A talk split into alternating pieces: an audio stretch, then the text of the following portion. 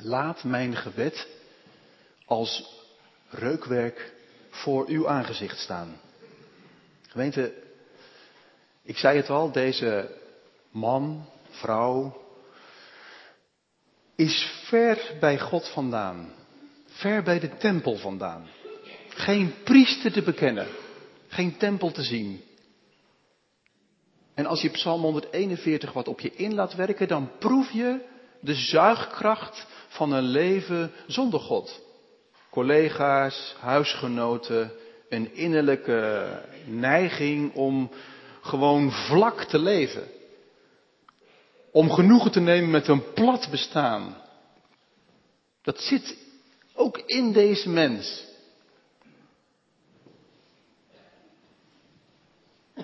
Je proeft dat gevecht. De aanvechting, de strijd. En vanuit die worsteling steekt deze mens zijn handen in de lucht en zegt, Heer, laat mijn gebed als reukwerk voor uw aangezicht staan. Laat mijn opgeheven handen zijn als het avondoffer. Misschien kent u dat wel. Dat gevoel dat je er, dat je er buiten staat. Je, je kent misschien wel mensen om je heen die, die dicht bij God leven en, je zou het wel willen, maar, maar er blijft die afstand. Ik kom in Lunter ook wel mensen tegen die het echt moeilijk vinden om naar de kerk te komen om deze reden. Dat is bijzonder pijnlijk. Soms dat mensen een trauma hebben en als ze deze, dit kerkgebouw binnen zouden lopen, zouden ze beginnen te huilen en nooit meer stoppen.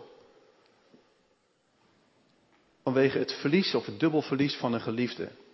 En daarom luisteren ze thuis mee.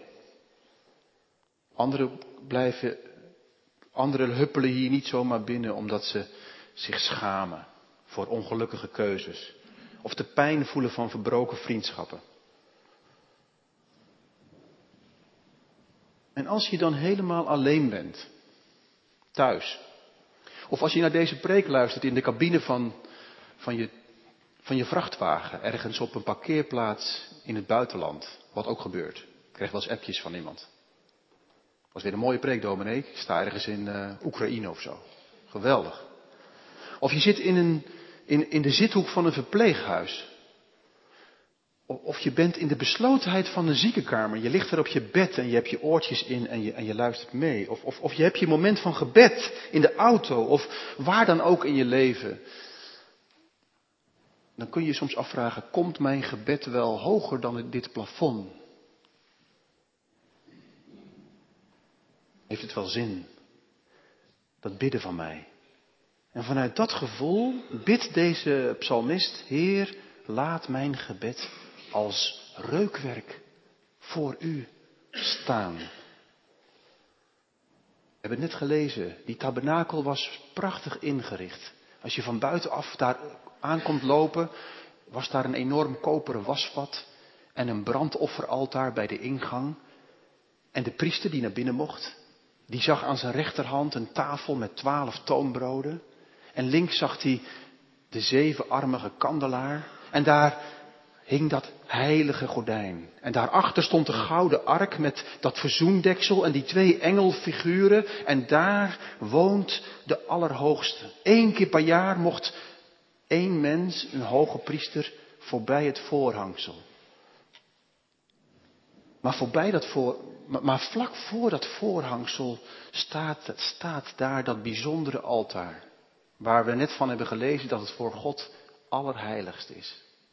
En daar gaat elke dag een priester naartoe. S'morgens vroeg en s'avonds. Om daar iedere morgen en iedere avond het reukwerk te ontsteken.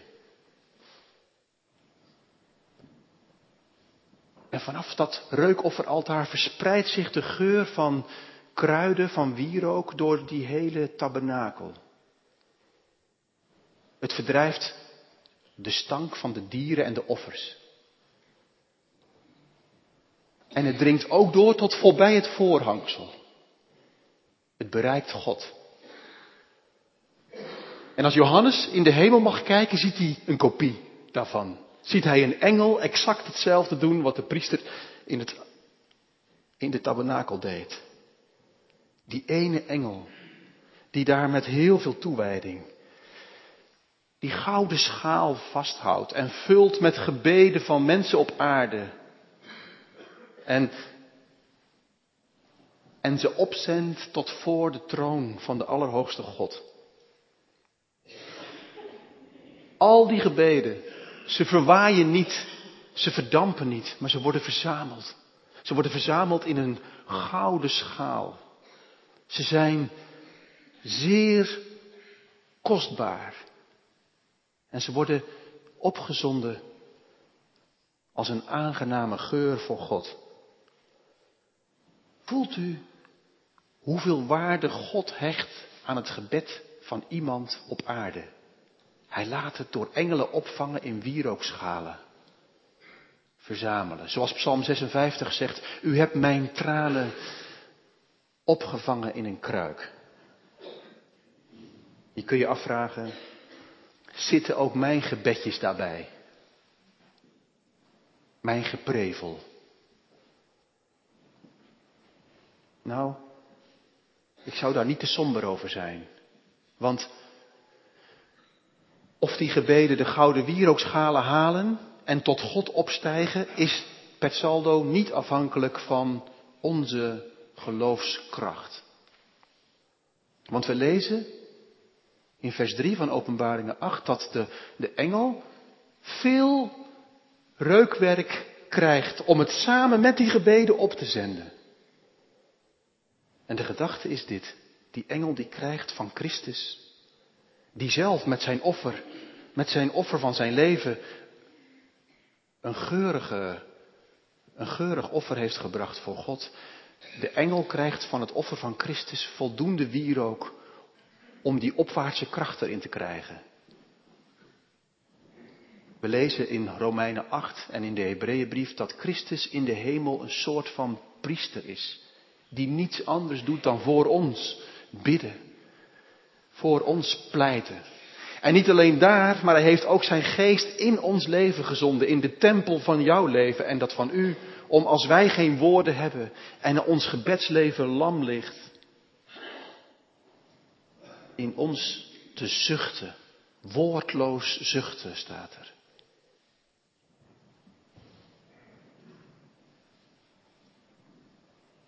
In de tabernakel zie je hetzelfde. Er is dat reukofferaltaar, er ligt wierook. Maar die priester, die moet eerst naar het brandofferaltaar. Wat heen wijst naar het werk van Christus. En hij mag alleen vuur pakken van dat altaar. Ergens in het Oude Testament waagt het, waagt het iemand het om vreemd vuur mee te nemen de tempel in. Dat loopt slecht af. God geeft specifieke instructies. Het enige vuur wat op het reukofferaltaar mag komen, s'morgens en s avonds, haal het op het brandofferaltaar. En dan komt er vuur in. Dan komt er een vlam in. Zonder dat brandofferaltaar daar buiten de tabernakel zou er helemaal niets beginnen te op te stijgen vanaf het reukofferaltaar. Zonder Christus geen gebeden.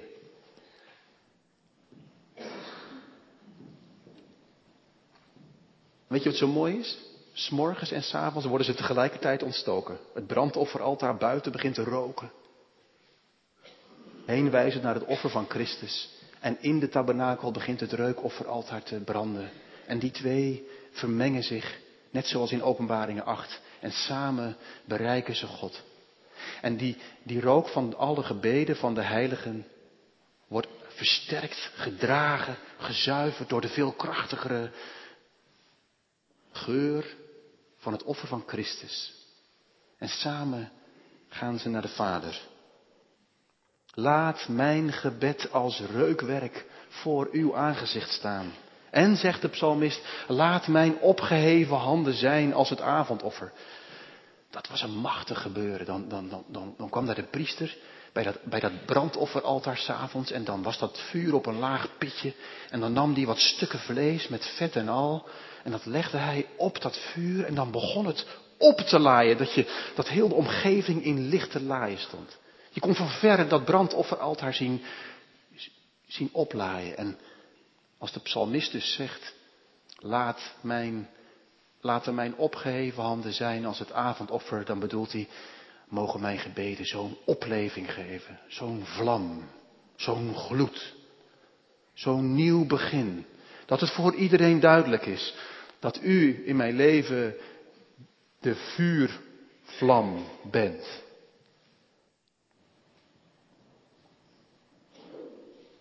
Hebt u er wel eens over nagedacht? Dat God, in de hemel zo gesteld is op een gebed van u.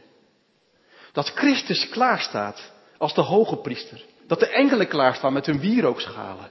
En dat ze zich soms vertwijfeld afvragen. Waarom blijft het zo stil? Waarom komt er soms zo weinig wierook binnen van gebeden van heiligen?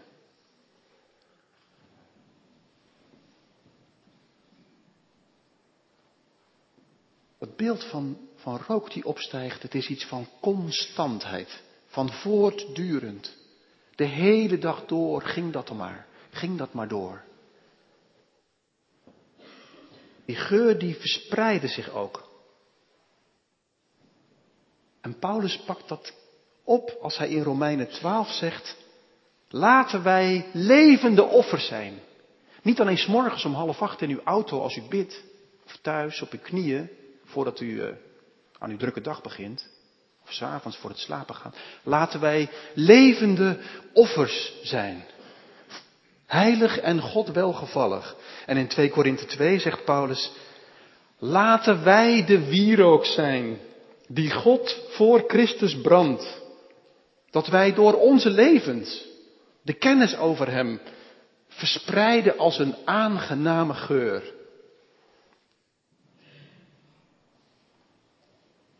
God heeft ons onvoorstelbaar veel vertrouwen gegeven in 2017. Er is geen tabernakel, er is geen tempel en er is geen priester. Jij bent de tempel. U bent de wierook. En God zendt zijn geest. Om dat proces te laten beginnen en nooit meer te laten stoppen. Die gebeden die wij opzenden kunnen geen rookgordijntje zijn voor God. Waarachter wij een wat smoeselig leven en allerlei luchtjes denken te kunnen verbergen. In Jesaja 1 staat dat als wij wel bidden, maar niet door de dag heen levende offers zijn, dat God dan die gebeden van ons ervaart als stank. En dat hij zich ervoor afsluit en zegt, zo niet, zo niet.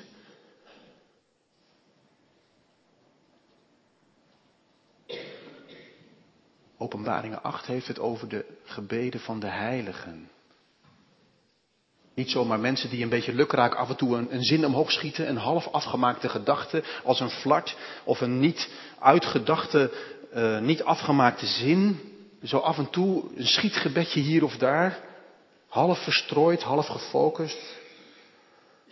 Het zijn gebeden van heiligen. Geen perfecte mensen, maar wel mensen die hun klederen, staat er enkele hoofdstukken eerder, hun kleren gewassen hebben in het bloed van het lam. Het zijn mensen die weten wie ze zijn in Christus. En vanuit die identiteit ook die intimiteit kennen. En vanuit die intimiteit in hun autoriteit als bidder zijn gaan staan. Ik vind dat drie hele mooie woorden voor een gerijpt christelijk leven. Identiteit, weten wie je bent in Christus. Intimiteit, omgaan met God als een vriend op dagelijkse basis. Autoriteit, om daar dan ook in te wandelen en te staan. Queen Mary van Schotland was banger voor de gebeden van hervormer John Knox dan voor een leger van duizend gewapende strijders. Want ze wist, als John Knox zijn knieën gaat buigen, als hij begint te bidden, dan gebeurt er iets in de geestelijke wereld en op aarde. En Jacobus zegt ja, het gebed van een rechtvaardige is krachtig en mist zijn uitwerking niet. Jezus heeft het daar met zijn leerlingen over naarmate hij zijn bediening afrondt. Dan, dan begint hij te praten over bid naar mijn wil en wat je ook maar vraagt in mijn naam, het zal je gegeven worden. Toen ik hier net kwam, vroeg iemand aan mij, Jaap, zou je daar niet eens een preek over kunnen houden? Nou, hier komt hij, vijf jaar later. Als je naar Jezus wil bidt, krijg je wat je vraagt. Want het betekent dat je steeds fijner bent afgestemd op wat er in Gods hart leeft. Zodat gebeden die jij vormt raken aan Gods verlangen. En je steeds meer begint te bidden vanuit Gods denken. Het is indrukwekkend hoe Mozes de, de, de aanwijzingen krijgt om dat reukoffer heel specifiek voor te bereiden. Ik weet niet hoe dat bij u gaat met uw gebedsleven, maar ik heb de indruk dat het soms wat haastig kan zijn. Dat we veel te snel beginnen te bidden en zomaar wat woorden zeggen. En, en, en, en dat, dat reukoffer moest in een heel specifieke samenstelling worden gemaakt. En niet anders. Een beetje van dit, een beetje van die kruiden, dat gemengd. En zo mocht het worden aangeboden.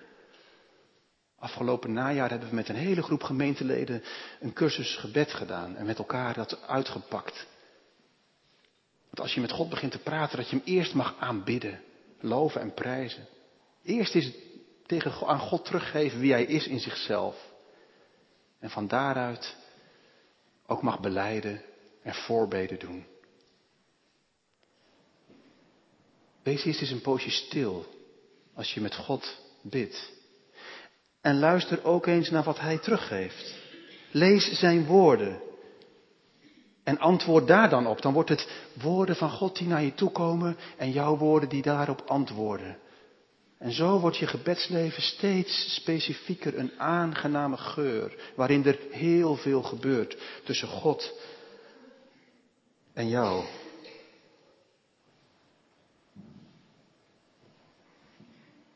Mooi dat God ze verzamelt, vindt u niet? God verzamelt ze in een schaal. Hij neemt ze graag samen. Wij hebben van bidden iets heel individueels gemaakt. En het jongetje net met de voorste rij had gelijk. Ik vind het een beetje spannend om er iets over te zeggen. Wij hebben op vrijdagmorgen één keer in de maand gebedskring. En op woensdagavond, twee weken later, soms zitten daar drie mensen uit een gemeente van 2100 leden. Afgelopen woensdag twee. Beste vrienden, Waar zijn de bidders? Waar zijn de bidders? Kent u die vreugde om met een broer of zus heel eenvoudig God te zoeken? Kent u de vreugde van het de ander horen bidden en daarop te reageren en samen een gesprek te voeren met God? Kent u die vreugde in uw eigen gezin, in uw huwelijk? Of, of ligt daar altijd een soort deken over van zwijgzaamheid? Is uw gebedsleven het best bewaarde geheim? Ik begrijp dat als je dat van je ouders niet geleerd hebt, dat dat lastig is. Maar zou dat in uw generatie zo moeten blijven? En wat zou er in onze gemeente gebeuren als er daar en daar en daar iemand opstaat en zegt, hmm, ik, ik werp die schroom van me af en ik ga stotterend die gebedsgroep, gebedsgroep opzoeken op woensdagavond, op vrijdagmorgen. Of, of ik vorm met een ander of met mijn huisgenoten een verbond. God verzamelt ze. Maar we zien door heel de Bijbel heen dat, dat het ook op aarde verzameld mag zijn. Komende week is het gebedsweek. Iedere avond om zeven uur in de nieuwe zaal naast de keuken komen christenen uit heel Lunteren samen. Uit de Bethelkerk, uit de Oude Kerk, uit de Gereformeerde Kerk. Ook Lunteranen die buiten uh, Lunteren kerken. Wat zou het een feest zijn als er ook aantal mensen bij zouden zijn. Die misschien met enige verlegenheid zouden zeggen. Ik ben het niet zo gewend, maar ik kom. Ik dacht, dacht laat ik eens gek doen en ik schuif aan. En ik doe mee. In heel Nederland wordt de komende week gebeden. Mag uw stem meeklinken? Voor God is het een aangename geur. Het is het allerheiligste altaar. En hij verzamelt het. Het brengt hem tot rust, staat er in het Hebreeuws. Omdat hij dan voelt, het is in orde. Er is daar op aarde een vrouw die met mij praat. Die met mij leeft. En ik hoor het. Ik merk het. Ik ruik het. God zal er blij mee zijn. Zijn engelen zullen de schalen uitbundig en enthousiast vullen en versterkt met het werk van Christus opsturen. En wij zullen er op aarde door worden gezegend. Bent u wel eens in zo'n waterpark geweest? Zo'n zo'n soort water, zwem, tropisch zwemparadijs. Daar heb je soms van die stortbakken. Jongens en meisjes kennen het misschien wel. Zo'n hele groot waterreservoir. Um, en dat vult zich langzaam maar zeker tot hij tot de rand vol is. En dan weten de jongens en meisjes, dan verzamelen ze zich er al helemaal onder en weten ze, ah, hij is bijna vol, hij is bijna vol. En dan als die vol is, kantelt hij. En dan komt er een enorme stortbak, stortvloed van water naar beneden. En dat beeld komen we tegen in Openbaringen 8. Want die wierookschalen worden gevuld met gebeden en gebeden en ogenschijnlijk lijkt er niks te gebeuren. Maar tot de schaal vol is en het kantelpunt bereikt is en de engel de schaal omkeert. En dan zendt God zijn vuur. Vuur van het altaar, dat staat voor herleving, opleving, vernieuwing. En gaat God in op die gebeden die eindeloos lang naar Hem zijn opgezonden. Laten we ook de komende week, maar ook elke dag, onze reukoffers blijven opzenden. En samen uitzien naar wat God gaat doen als Hij de schalen kantelt. Amen.